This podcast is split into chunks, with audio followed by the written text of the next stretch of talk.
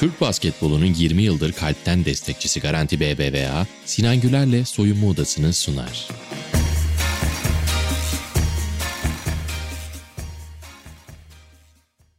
Basketbolun destekçisi Garanti BBVA'nın sunduğu soyunma odasına hoş geldiniz. Bildiğiniz gibi bu sene Garanti BBVA'nın basketbola verdiği desteklerin 20. senesi kutlanıyor. Bu özel bölümde de tekerlekli sandalye basketbol takımının köklü iki oyuncusu kaptanlarıyla bir araya geldiğimiz bir sohbet gerçekleştireceğiz. Özgür Gürbulak ve İsmail Ar bizimle birlikte. Abiler arkadaşlar hoş geldiniz. Umarım iyisinizdir. Her şey yolundadır. Hoş bulduk. Çok iyiyiz.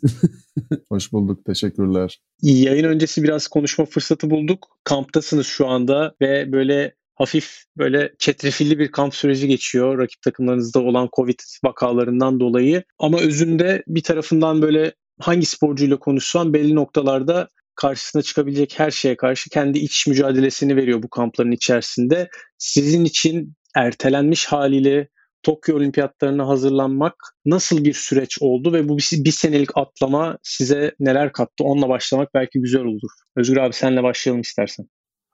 Ya inanılmaz zor oldu aslında ya. Böyle kafa olarak tam böyle kendimizi vermişken bayağı bir uzak kaldık. Ama bu Covid olayı bana çok iyi geldi. Ben evlendim. çok tebrikler. Teşekkürler. Yani moral açısından, hayatımın gidişatı açısından çok güzel şeyler oldu. Ama motivasyon anlamında da çok fazla zorlanmıyoruz açıkçası. Çünkü biz başarıya hep açız. Sürekli zaten sen de sporcusun biliyorsun. Sporcu için hep bugün var, yarın yok ya da dün yok. O yüzden iyi yani. Biz iyiyiz yani. İsmail senin ekleyeceğin bir şeyler var mı? Ha, pandemi bizden ne aldı? O geçtiğimiz yılda sadece bir yıl ertelenen Tokyo Paralimpik oyunları bir yaş daha Orada yaşımız daha büyük yazacak. Belki bu bize tecrübe olarak bir şeyler kattı. Hem de o bir, bir senelik süreçte çünkü uzun süredir hiç ara vermeden turnuvalara devam ettiğimizden belli sakatlıklarımız vardı. Onlardan dolayı kendimizi yeniledik. Ee, bence bir yandan da iyi oldu. Genç arkadaşlarımızın çok potansiyeli olan genç arkadaşlarımıza da tecrübe kattı ve aramıza katılmalarını sağladı. Her şey güzel olacak. Zorlu bir kamp döneminden geçiyoruz. Özgür abinin dediği gibi başarıya her zaman açız. Yani yaşımız ne olursa olsun yani sonuna kadar savaşacağız. Olmazsa olmaz. Olmazsa olmaz. Kesinlikle haklısın. Özgür abi senin 2016 Rio'da gördük. İsmail sen de o takımdaydın. O olimpiyatlardaki tecrübeniz sizin için nasıl bir süreçti ve o süreçten bugüne taşıdığınız şeyler neler? Onları da öğrenebilir miyiz? Önce 2012'den başlayayım. 2012'de de beraberdik yine Londra'da. Bizim için 2012 çok başka, çok daha tecrübeleri olan bir turnuvaydı 2016'da. 2012'de acemiliğimizi attık öyle söyleyebilirim.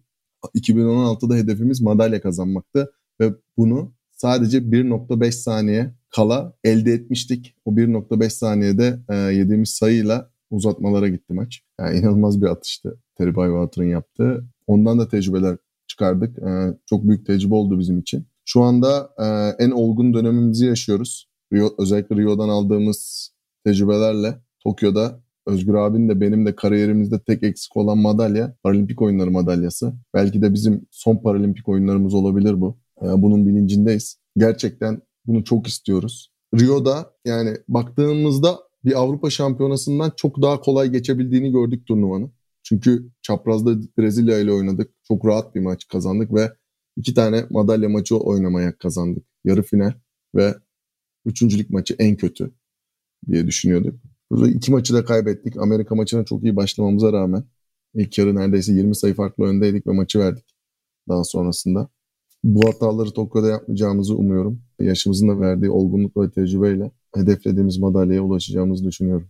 Ya İsmail gerçi her şeyi hemen hemen söyledi ama gerçekten bizim için keyifli aslında ya. Böyle ilk defa Dünya Kupası görmek, olimpiyat yaşamak işte enteresan. E, bunu ikinci, üçüncü defa yaşamak da daha büyük keyif. E, orada olmak bütün hemen hemen sporcuların isteği, arzusu, rüyası olabilir. E, yıllardır biz bunu başarmak için elimizden geleni yapıyoruz. Ya ben şöyle düşünüyorum. Gerçekten de bu sene bizim altın çağımız, altın yılımız. Biz hep aramızda şunu konuşuyoruz. Bu sene altın vuruş yapacağız diye. Gerçekten bütün takım ona göre motive ediyor kendini. Yani biz aramızda hep böyle bu tarz konuşmaları yaşıyoruz. Gerçekten de bu sene o sene diyebilirim yani böyle kendimizi hep bu şekilde motive etmeye çalışıyoruz. Ya beni zaten işte psikologumuz işte arkadaşlar falan geliyor bazen böyle hep tavana bakıyorum. Tavanda böyle duvarda bir yer edindim kendime. Orada altın madalyayı görüyorum sürekli. Yani şey diyorum hatta ya birisi görse deli falan diyecek yani bana. Ya o kadar motivasyonumuz yüksek. 2016 zaten tam bir fiyaskoydu bizim için. Yani böyle tam böyle yarı final maçında da işte İsmail'in dediği gibi Amerika'yı inanılmaz bir oyunla böyle alt ettik. Sonra geceyle gündüz gibi olduk yani bir anda böyle bizim takım gitti başka bir takım geldi böyle enteresan şeyler oldu. Yani o psikolojiden bir türlü çıkamadık. Ee, akabinde toparlandık işte hadi dedik yani bitmedi daha bir üçüncülük en azından alalım. Ya o kadar uğraştık sonuna kadar geldik. Top bir de sevmedi aslında ya bizi. Sonlarda hele İsmail'le yaşadığımız bir pozisyon var. Ya ileride bomboş ben topu atıyorum. Normalde İsmail asla kaçırmaz yani böyle o topları. Yani böyle bir bakındık böyle yani o topa baktı. Ben böyle garip bir ortam oldu yani. Top istemedi diyelim yani. İnşallah bu seneki e, olimpiyatlar için bizim için e, daha iyi bir şey olur. Öyle ümit ediyorum. Bakalım. Hakkımızda hayırlısı. Ben öncelikle e, özür diliyorum 2012'de katmadığım için işin içerisine ve yani özünde baktığında bir sporcu için olimpik sporcu olmak ve o noktaya gelmek apayrı bir duygu. Ben 2012'den itibaren hep böyle bir ufak şansları olan milli takımların parçası oldum. Bir kere Filipinler'de Rio biletini almaya çalıştık ve beceremedik ve olimpik sporcu olmanın ayrıcalığını milli takım sporcusu olarak tatminkar bir şekilde yaşayamadım. Ama özünde baktığımda bence işte sizin hikayenize az çok baktığımda sizi aynı kulüpte aynı zamanlarda oynadık. O zamandan beri özverinizi yaptıklarınızı gördüğümde aslında sporcu olarak da çok özel yerde olan insanlarsınız. Çünkü karşınıza çıkan engelleri aşmak için farklı bir motivasyon buldunuz. Kazanma arzusundan bahsettin Özgür abi mesela. O hikayenin içerisinde kendi hikayenizi sizi engelleyen şeylerle e, sınırlamadınız. O engelleri kırmak için bir şeyler yaptınız. Burada bu hikayenin başlangıcına döndüğümüzde bu engeli ilk kırmaya başladığınızda İsmail yine senden önce başlayalım. İlk içinizde yaşayan şeyler neydi? Buraya böyle sizi çeken ve aslında o engeli kırmak için gösterdiğiniz çabanın içerisinde olan biten. Evet, 1999 depreminde engelli oldum ama daha önce, engelli olmadan önce çok sporun içinde bir çocuktum. Ülkemizin gerçeği futbol. Lisanslı olarak oldukça yetenekli bir futbol oyuncusuydum. Okul takımında futbol oynamamız yasaktı. Çünkü başka branşları deneyebiliyorduk. Badminton, Türkiye'ye o zaman yeni gelmişti. Badminton antrenmanlarına gidiyordum. Atletizm yapıyordum. Zaten futbolun içinde bir şey. Benim içimde en çok ukde kalan Necdi Serbest diye bir hocamız vardı. Beden eğitimi öğretmenimiz. Okul takımında çok basketbol oynamak istemiştim. Ben bir yaş küçük olduğum için yaşıtlarımdan sırf boydan dolayı çok o zaman da yetenekliydim. Beni okul takımına almamıştı. Çok üzüldüm. O hikayeyi anlatayım öncelikle. Sonra yıllar geçti. Sene 2005-2006 Yalova'da ilk basketbola başladım tekerlek sandalye basketboluna. Necdi Hoca'yı spor salonunda gördüm antrenmandan önce. Bir voleybol antrenmanındaydı. Beni tanıdı. Merhaba dedim hocam. Merhaba beni hatırladınız mı dedim. Evet dedi. Hocam dedim siz beni okul takımına almadınız kısa boylu olduğum için o zaman. Ben de kendimi sakatladım. Tekerlek sandalye basketbolunda çok boy önemli. Bu şekilde oynuyorum dedim. Aramızda bir küçük bir gülüşme oldu ama oldukça şeydi yani.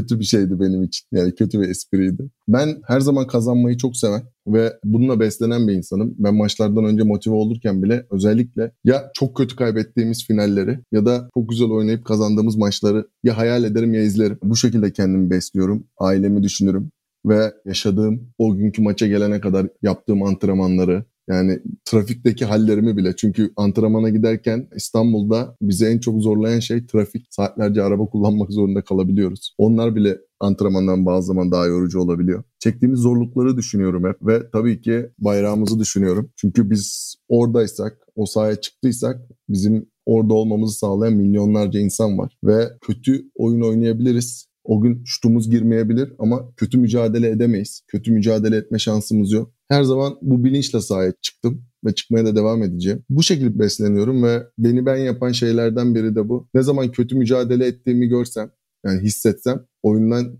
çıkma isteği oluyor. Çünkü oyundan çıkıp bir, bir dakika nefes aldığım zaman yeniden sahaya girdiğimde farkına varıyorum. her şeyin. Bu şekilde. Bir de Özgür abiden gerçekten benden yaşça büyük çok şeyler öğrendim. En büyük öğrendiğim şey de mücadele. Eğer Özgür abi bireysel bir sporcu olsaydı, bireysel bir spor yapsaydı gerçekten dünyada o sporun en iyisi olurdu. Basketbolda da öyle. Ama bireysel sporda inanılmaz başarılı olacağını düşünüyorum Özgür abinin. Çünkü kafaya taktığı zaman yapamayacağı bir şey yok. İnanılmaz hırslı. Ondan çok şeyler öğrendim. İsmail'in bir de kaçırdığı bir şey var. Beslendiği bir şey daha var. Totem. evet. Totemlere birazdan geleceğiz abi ama İsmail çok güzel pas attı sana. Senin de hikayeni şey yapalım. Ondan sonra da sporun içerisindeki totemlerden başlayalım bence. Çünkü hepimizin hem fikir olduğu bir sürü konu var onun içerisinde. İsmail'in totemlerini de ben merak ettim. O rutinin parçasını. Önce İsmail'in şu pasını bir değerlendireyim. Teşekkür ederim kardeşim. Yani böyle sana hayatına, sporuna dokunmak eğer senin de bunu hissetmen benim için çok daha büyük onur gurur. Yani senin ne kadar sevdiğimi, nasıl dostluğumuz olduğunu biliyorsun zaten. Sağ içinde zaten bu herkesin gördüğü, bildiği bir şey. İsmail ilk geldiğinde Galatasaray'a sürekli bize onunla bireysel çalışıyorduk. Sürekli onunla yani elimden geldiği kadar bir şeyleri vermeye çalışıyordum ama şunu mübalağa etmiyorum. Gerçek anlamda İsmail acayip derecede istiyordu ilk geldiğinde de. Yani böyle hırslı bir yapısı var zaten. Bir de onun o hırslı yapısı beni ona çok çekti. Çünkü ben de acayip hırslı bir adamım. İnanılmaz da çalışıyordu. Yani şu anda bana hani güzel bir söz söylediği için değil. Bence puanı neticesinde e, dünyada sayılı 5 tane oyuncudan bir tanesi diyebilirim. Çünkü bu gerçek anlamda hani dediğim gibi bana böyle bir pas attığı için değil. Bunu zaten bütün dünya biliyor. Zaten biz onunla yan yana oynadığımız zaman insanlar bizi iki kişi durduramıyor zaten. 3'e 4'e falan bağlıyoruz bazen böyle çıldırdığımızda. Tekrar teşekkür ederim. Ya ben İzmir doğma büyümeyim. Ee, bir gün kemer altında geziyordum. Alışverişe gittim. Bu arada ben çok sosyal bir insandım zaten. Hiç engelli arkadaşım da yoktu benim. Abimle öyle alışveriş yaparken birisi arkamdan geldi işte bir kart vizit verdi. Düğün davetiyesi gibi eskiden böyle büyüktü falan böyle o kart vizitler. 97 yılından bahsediyorum. Ya engeller spor mu yapıyor dedim. Vallahi Allah falan oldum böyle. Ben de o dönemde işte yüzmeyi falan çok seviyordum. Çocukluğum zaten Urla'da işte Ahmet Beyli, Gümüldür taraflarında geçti. Denizde büyüdüm diyebilirim.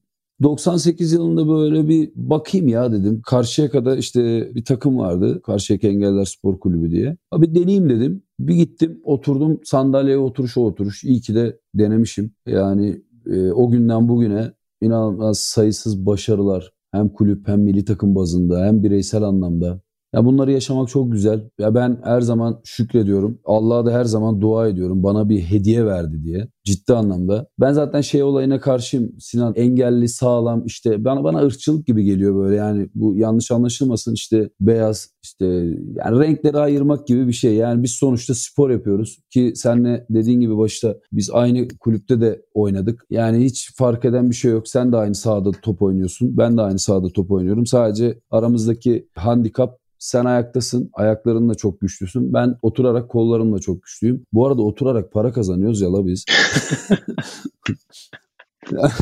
yani işin şakası e, gerçek anlamda e, bu bize bir hediye yani. Ciddi anlamda. Ya zaten ben kenar mahallede büyüdüm. Yani belki daha farklı bir yaşantım olabilirdi. Böyle olduğu için çok mutluyum açıkçası. Şimdi hikayelerinizde özellikle Özgür abinin son söylediği şeyle beraber anlatılması gereken bir şey var. Sporun en güzel tarafı da zaten bu. Birleştirici bir gücü var. Dil, din, ırk, engel, mezhep, yaşadığın yer, doğduğun yer tanımıyor. Sahaya girdiğinde hepimiz aynı şeyi yapıyoruz. Sahaya girdiğinde hepimiz etrafımızdaki insanlara, izleyenlere heyecan verecek işler yapmaya çalışıyoruz ve aslında bu bahsettiğin o ırkçılığa benzeyen, o eşitsizliği böyle insanların gözüne sokan taraf da ne yazık ki işin yatırım tarafı ve medya tarafı. Yani %100. bugün baktığında işte geçtiğimiz hafta ben e, Naz'la sohbet ettim. Bu hafta sizinle sohbet ediyorum. Takım sporlarında kadın voleybol ve erkek tekerlekli sandalye basketbol takımı kadar başarılı bir takım ortamı milli takımlar seviyesinde biz görmedik. Kulüpler seviyesinde de gördüğümüzü söyleyemem. Evet yani bugün baktığında kadın basketbol takımı Galatasaray'da, erkek basketbol takımı, tekerlekli sandalye basketbol takımı. Hepsinin Avrupa'da bir başarısı var. Ama kolektif anlamda baktığında sizin spor adına yaptıklarınız daha da üst seviyede. Ve ne yazık ki istenilen ilgiyi yeteri kadar göremiyor. Çünkü aslına bakarsanız işte bu Türkiye'nin spor kültürü içerisindeki ufak tefek dinamiklerin getirdiği şeyler. Ufak tefek dediğim şey belki biraz da e, mübalağa edilebilir. Konuşulacak da belki or- orada çok farklı konular var yani. Bunu değiştirmenin değil de bunu normal hale getirmenin. Çünkü değiştirmek farklı bir şeye geçebilir. Derin konuyu biraz böyle kenara atmak belki mantıklı olacak bu noktada. İsmail'in rutininden hmm. bahsettik, toteminden bahsettik. Sporda sporcuların içerisinde rutinler kesinlikle olmazsa olmaz şeyler. Yani ben ben bile bugün evden maça çıkarken konuştuğum telefon sırası dinlediğim müzik ilerledikçe ilerliyor. Sahaya çıkana kadar en son doğuşla böyle sahaya çıkarken birbirimize yaptığımız şakalaşmaya kadar devam ediyor Darüşşafaka'daki ortamda. Siz Şimdi 98 dedin abi sen. İşte 2005-2006'dan beri de bir Galatasaray ortamı. 2008'de mi geldin Galatasaray İsmail sen? Ne zaman geldin? 2007-2008'di galiba. 2007-2008 sezonu. Çünkü 2008'de çünkü beraber Şampiyonlar Ligi şampiyonluğu yaşamıştık Türkiye'de ilk defa takım sporlarında. Beraberdik o zaman. Bahsettiğimiz bir 14 senelik bir tanışıklık, bir arkadaşlık var. Evet. Abi kardeş seviyesine gelmiş noktada. O zaman ben İsmail'e değil de Özgür abi sana soracağım. Hı. En göze çarpan totemi ne İsmail'in? Bir eşofman giydi mi onu bütün turnuva giyiyor. Yani çıkarmaz asla, yıkamaz. Zaten çok hani bu şey değil ya zaten İsmail'in inanılmaz yani bu pis anlamında falan değil. Hayatımda onun kadar titiz yani onun kadar temiz bir adam yani çok nadir tanıdığım insanlar var. O halde bile onu yapıyor ben şok oluyorum mesela. O abi diyorum sen nasıl yapıyorsun bunu yani? Abi totem yapıyorum bozma beni falan diyor. Bazen böyle kızdırıyorum onu. Bakıyorum olacak gibi değil gerçekten de hani yapmayacak. Tamam abicim sen diyorum bildiğin gibi devam et yenelim biz de sen ne yapıyorsan yap diyorum. yani en çok göze çarpatan e, özelliği Tabii şu an dinleyenler İsmail'in ne kadar kızardığını göremiyor. Ama en azından bu totemin gerçekten en azından bizimle beraber olduğunu ve bugüne kadar işe yaradı. Bugüne kadar da işine işe yaradı dediğin gibi. Ya insanlar ne düşündüğü önemli değil yani. İsmail peki senin gerçekten eşofman bir tarafa eşofman hikayesini belki anlatarak başlayabilirsin ama hani hayatında spora dair yansıyan şeylerin içerisinde en önemli totemler, rutinler ne oldu? Bir de bence Özgür abinin de rutinleri vardır. Bu kadar bireysel sporda da başarılı olacağını düşündüğüm biri, biri ise kesin onun da belirli rutin ve totemleri vardır. Onunla alakalı söyleyebileceğim bir şey var mı? İşte ya eşofman sadece eşofman olsa iyi. O görünen kısmı öyle söyleyeyim. ya benim en belirgin totemim normal rutinim turnuvanın ilk günü ne yaptıysam yani turnuvaya başladığımız ilk gün ilk maçtan önce serbestim. Her şeyi yapabiliyorum. Eğer o maçı kazandıysak ilk maçı rutinim o ilk günkü hiçbir şey anı unutmam. Hiçbir anı unutmadığım için de sırayla devam eder. Mesela sabah uyanma saatim. Mesela sabah kahvaltısında ne yediysem bütün turnuva aynı onu yerim. Öğlen yemeği aynı şekil. Ondan aynı saatte dişlerimi aynı saatte fırçalarım. Gerçekten bu psikolojik manyaklık gibi bir şey ama Kendimi alıkoyamıyorum. En takıntılı olduğum konu da eşofman da değil esas. Otobüse binme sırası. Herkes aynı olduğu için. yerde oturacak. Yani diyelim ben en son bindiysem ve bir yerde durduysam oturacak ve sırt çantamı bile aynı noktaya koyuyorum her seferinde. Yani Aslında ve başkasına da koydurtmuyorum. Yani federasyon başkanı ilk gün arkada seyahat ettiyse o, o yine arkada oturacak. Yani yerini değiştiremez. Bir kere öne oturdu. Söyleyemedim. Çocuklar beni dürtüyor. İsmail abi söylesene. Arkaya otursun. Bak kaybedeceğiz. Artık onlar da inandı buna. Federasyon başkanına. Ben de Arif Başkan rica ettim. Başkanım böyle böyle bizim bir totemimiz var. Arkaya oturabilir misiniz? ya, takım da buna uyum sağlıyor. Özgür abiye gelecek olursak ben Tenerife'yi hiç unutmuyorum 2017 Avrupa şampiyonu olduğumuz yıl. Yani otelin delisi gibi elinde ses sistemiyle devamlı Karadeniz müzikleri dinliyordu.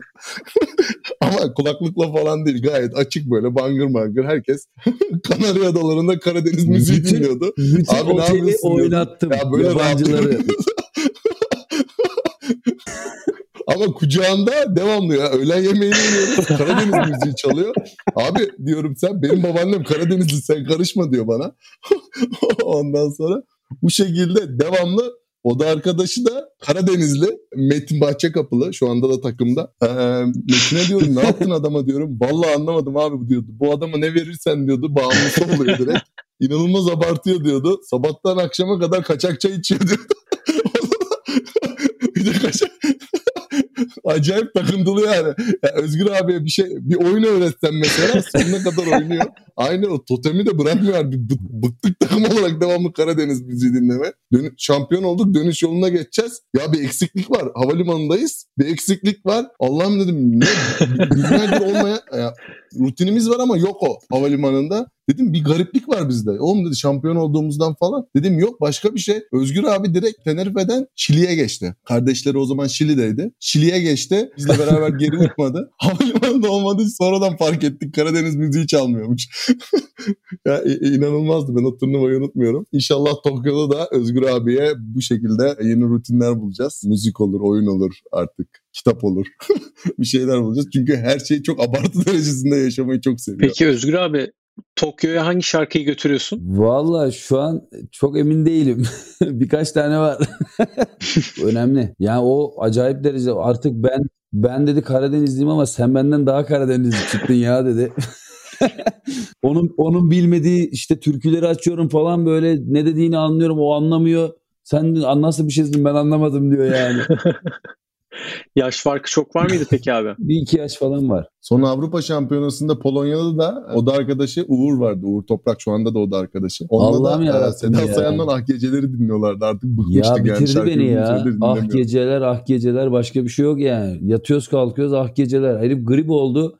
Duşu almış çıkmış havlular içinde ah geceler sensiz geceler diye söyleyip duruyor. Artık rüyamda falan bile görüyordum böyle. Valla bu müzik tarafı sporcu için zaten önemli ama şey ben sonra soracağım. Yani ah geceleri eklemeyeyim diye düşünüyorum. Hep ikinizin de ayrı şarkılarınızı böyle sizi motive eden şarkıları öğrenmek isteyeceğim ama önce İsmail'in otobüs hikayesinden yola çıkarak kendi bir hikayemi paylaşmak güzel olur diye düşünüyorum. Tam ne zaman başladı bilmiyorum ama galiba Galatasaray'la ikinci ya da üçüncü sezonun içerisinde otobüste her, her sezon tabii ki de kimin nerede oturduğu belli oluyor. Abi oldukça veteran oldukça arkaya doğru kaymalar oluyor tabii ki de. Bir noktada bir maç hangi maç hatırlamıyorum şimdi ama muhtemelen sonrasında kazandığımızdan dolayı bende yer etti. Otobüsten ilk inmeye başladım. Ve yani herhalde 7-8 sezon olacak şimdi. 7-8 sezondur. Nerede otursam oturayım tam böyle kapıya yaklaştığımız anda böyle harala gürele acele bir şekilde ben kendi çantamı alıp kapının önüne geliyorum. Otobüsün durmasını bekleyip aşağı inmeye başlıyorum. İlk soyunma odasına da giren ben olacağım diye. O böyle bende yer etmiş. Benim de işte rutinimin bir parçalarından bir tanesi o. Şimdi geneliyle en son haliyle rutinleri konuştuk. Rutinleri konuştuğumuz yerden de devam ettiğimiz noktada esasında sormak istediğim soru kamp ortamında bu kadar senedir beraberliğin içerisinde birbirinizden beslendiğiniz, birbirinizden ilham aldığınız saha içinde olan şeyler var. Bunları zaten konuştuk. Saha dışında hem ikinizin arasındaki ilişki içerisinden birkaç şey belki almak lazım. Yani okuduğunuz kitaplardan ilham almak olabilir, konuştuğunuz sohbetin parçası olabilir ve takım içerisinde bu spordan beslenme ve aslında sporu destekleyen konulardan da beslenecek ortamları bulma şeyinde neler var hayatınızda, neler konuşuyorsunuz ya da neleri merak ediyorsunuz? Biraz da onlara girmek isterim. Bir kere sağ içinde Özgür abiyle aynı dili konuşan insanlarız basketbol olarak. Ee, birbirimizi gerçekten yani bakıştan daha öte derler ya bakışınca anlaşıyorlar diye çok daha başka. Yani benim nefes alışverişimden benim o pozisyonda içeri gireceğimi anlıyor Özgür abi. Screen yapmadan mesela direkt topu indirebiliyor. Onu hissedebiliyor. Ben de onun o pası bana verip yani kaşını oynatmasından anlıyorum. Saçının telinden o pası bana indirebileceğini. Sağ içinde böyle bir ilişkimiz var ama sağ dışında bence çok başka insanlarız. Yani dinlediğimiz şarkılar olsun. Yani uyuştuğumuz yerler oluyor tabii ki ama çok başka insanlarız. Özgür abi çok e, renkli bir insan. Yani her daldan, her yerden renkleri var. Ama ben daha düzümdür yani ben daha sağlamcı bir yaşam tarzım var. Böyle daha klasik bir insanım öyle söyleyeyim. Ee, ama e, Özgür abinin bazı zaman kriz anlarındaki neşesinden, dinlediği şarkılardan, ondan sonra. Gerçekten il- ilham alıyorum. Bu şekilde ben kitap okumayı çok seviyorum ama özellikle kamplarda okuyamıyorum çünkü ben hiperaktif bir insanım. Kitap okurken mesela panik atak krizleri geçirebiliyorum. Böyle bir özelliğim var o yüzden çok kitap okuyamıyorum. Ama okuduğum zaman da başından kalkamıyorum gibi ama uzun zamandır yani genelde kızımla kitap okuyorum daha çok onu onun yeni okumayı öğrendiği için. O şekilde yani son bir senedir devamlı çocuk kitapları okuyorum ona. O da bana okumaya başladı artık. Özgür abiyle de müzik konusunda uyuşuyoruz. Yani o çok farklı renkli dedim. Ben de öyleyim ama Özgür abi bazı zaman çok değişik şeyler dinleyebiliyor. Ben de şaşırıyorum yani. Bir gün siyah dinlerken bir gün beyaz dinleyebiliyor. Yani nasıl bir insan 24 saat içinde bu kadar değişebiliyor onu da anlamıyorum. Bu şekilde. Biz İsmail'le yıllardır böyle artık beraber oynamanın, beraber yan yana yani acısıyla tatlısıyla derler ya Sinan. Yani gerçekten de öyle yani. Sıkıntılarımız, işte sorunlar, işte ne bileyim yani her her yerde oluyor biliyorsun. Her takımda yaşanacak şeyler sonuçta iş yapıyoruz. Bir de performans sporu yani basketbol. Biz İsmail'le yıllardır abartısız böyle gölge gibiyiz ya. Ben ona bakmadan pas atarım. İşte arkası dönükken kucağına atarım böyle bilirim ki yani onu alacak bitirecek yani. O kadar güvenip de veririm yani. Bazen uzunlar bana çıldırıyor ya işte biz boşluk falan niye bize vermiyorsun? Daha garantisi var falan diyor. Dalga geçiyorum yani. ya abartsız e, yurt dışında zaten e, özellikle yurt dışında inanılmaz derecede milli takım düzeyinde işte ne bileyim ya da Şampiyonlar Ligi'nde şudur budur e, bizim oyunumuzu bir türlü çözemiyorlar. Yani bize inanılmaz derecede önlem almaya çalışıyorlar. Yani bir şekilde biz hep onu kırıyoruz. Yani işte İsmail biraz önce dedi ya e, aynı dili konuşuyoruz diye. Gerçekten de öyle. Yani onun nereye gideceğini, ne yapacağını öyle bir şey ki e, ben sorumluluk almayı çok seven bir insanım. Yani sahanın içinde hiç hocanın dediği şey yapmıyorum mesela. İşte kendi kafama göre bir oyun çiziyorum. İşte kaşımızda gözümüzde dedik ya İsmail biraz önce. Gerçekten de bir anda oyun çıkartıyoruz yani. Ya herkes böyle kalıyor. Bir anda İsmail turnikeye atmış işte biz savunmaya dönüyoruz falan oluyorlar. Böyle herkes böyle birbirine bakıyor. Ya hocalar da artık bıraktı. Ne haliniz varsa görün diyor resmen yani. Son senelerde bizim ikili oyunlara çare buldular. Yardım getiriyorlar. Biz de Özgür abiyle buna bir çare bulduk. Özgür abinin yanına başka bir arkadaşı veriyoruz. Ben şuta geçiyorum bu sefer. Yine oradan sayı buluyoruz. Yani ama yani çok değişik bir şey. Artık 3 kişi falan savunmaya başladılar. Çaprazdan yardım get ortadan yardım getiriyor, çaprazdan yardım getiriyor. Artık bunalmaya başladık yani. Biz de bu şekilde bir çare bulmaya başladık. Adamlar bir yerden bulup bir yerden yani yenisini üretmek lazım. Bunda da başarılı oluyoruz.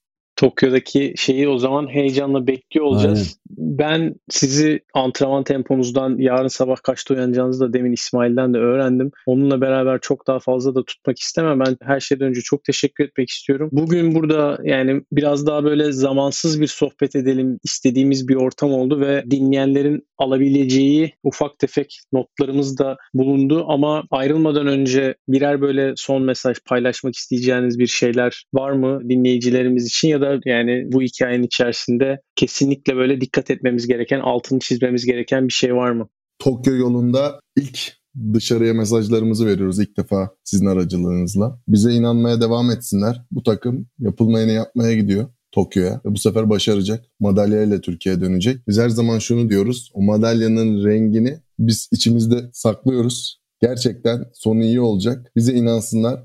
Dualarını bize eksik etmesinler. Biz çok emek veriyoruz ve onların yüzünü kara çıkarmayacağız. Öncelikle bu sohbet gerçekten de keyifli oldu. Yani sahanın dışında antrenmanlar işte arası değil de uzun zaman sonra ilk kez yine karşı karşıya geldik. E, mutlu oldum gerçekten de. Ya İsmail gerçi her şeyi söyledi diye düşünüyorum. Biz yapılmayanı yapacağımıza inanıyoruz. Bu kadar eziyet çekiyoruz. Gerçekten eziyet yani şey anlamında değil yani böyle aa falan şudur budur değil. Antrenmanlar işte konusunda psikolojik, mental yani aklınıza ne gelirse elimizden geldiği kadar böyle kendimizi e, yükleniyoruz her alanda. Orada en iyi şekilde mücadelemizi yapıp olmayanı oldurmak için elimizden geleni yapacağız Allah'ın izniyle. Bizde bu güç var. Kendimize de inanıyoruz. Bütün Türkiye bize güvensin. Dualarını eksik etmesin. İnşallah oradan elimizden geldiğinin fazlasını yapıp güzel bir şekilde dön- döneceğimizi düşünüyorum. Özgür abi sizi yollamadan önce şeyi sormayı unuttuğumu hatırladım. Hangi şarkı sizinle beraber Tokyo'ya gidiyor? Onu da ben dinleyicilerimizle bir playlist içerisinde paylaşıyor olacağım. Ya genelde böyle İşte İsmail biraz önce söyledi aslında ben anı yaşayan bir insanım. Yani o anda e, içimden hani ya hiç ummayacağınız bir şey bile olur yani böyle ben e, e, müzik evrensel diye düşünüyorum. Yani o yüzden İsmail biraz önce dedi yani bir gün başka bir gün başka. Ya her an her şey olabilir yani. Sinan abi ben Sinan'a bir şey söylemek istiyorum. Şu anda biz bunu hiç düşünmemiştik. Takım halinde bir şarkı yok. Sinan bize bir şarkı söylesin. O şarkı bizle Tokyo'ya gitsin. O Özgür abinin dinlediği şarkı turnuva Oo. boyunca o olsun. Aa bu daha güzel olur. Ben tam Özgür abiye şey diyecektim. O zaman Tokyo'ya giderken şarkı ortaya çıkınca bana yollarsınız diyecektim. Beni de zor durumda bırakan bir şey oldu. Ben, ben aslında iyisi... onu diyecektim İsmail sana pasladı. ben o zaman size daha sonra yani bir iki güne bir şarkıyı seçip size o öyle gidecek şekilde olsun daha kolay olacak. Abilerim çok teşekkür ediyorum öncelikle. Tokyo dönüşü Özgür abinin duvarın köşesinde baktığım madalya rengiyle beraber bunun tekrarını yapalım. Biraz daha uzunlu belki fiziksel olarak bir araya geldiğimiz şekilde yapalım benim için çok çok keyifli bir sohbet oldu. Sizin dinamikleri izlemek bile böyle kamp ortamındaki güzellikleri ve keyfi hatırlattı. Kampta sabırlar diliyorum. Ardından da Tokyo'da başarılar diliyorum. Size çok teşekkürler. Biz de sana çok teşekkür ederiz. Gerçekten de keyif alarak bir program olduğunu düşünüyorum. Ya biz çok keyif aldık. Eminim izleyenler de keyif alacaktır. Zaten senin eğlenceli bir yapım var. Yani her ne kadar çok fazla böyle sohbet muhabbet etme şansımız olmasa da o sahanın içinde yaptıklarını, sahanın dışında de olan davranışlarını falan gördüğüm için yani böyle rahatlıkla söyleyebiliyorum. Teşekkürler. Seninle muhabbet etmek çok keyifliydi. Biz size teşekkür ederiz. İnşallah güzel şeyler olacak. İnşallah. Çok teşekkürler. Basketbolun destekçisi Garanti BBVA'nın sunduğu soyunma odasının sonuna geldik. Tekerlekli sandalye basketbol takımımızı da Tokyo uğurlarken yeniden başarılar diliyoruz. Dinlediğiniz için teşekkürler. Görüşmek üzere.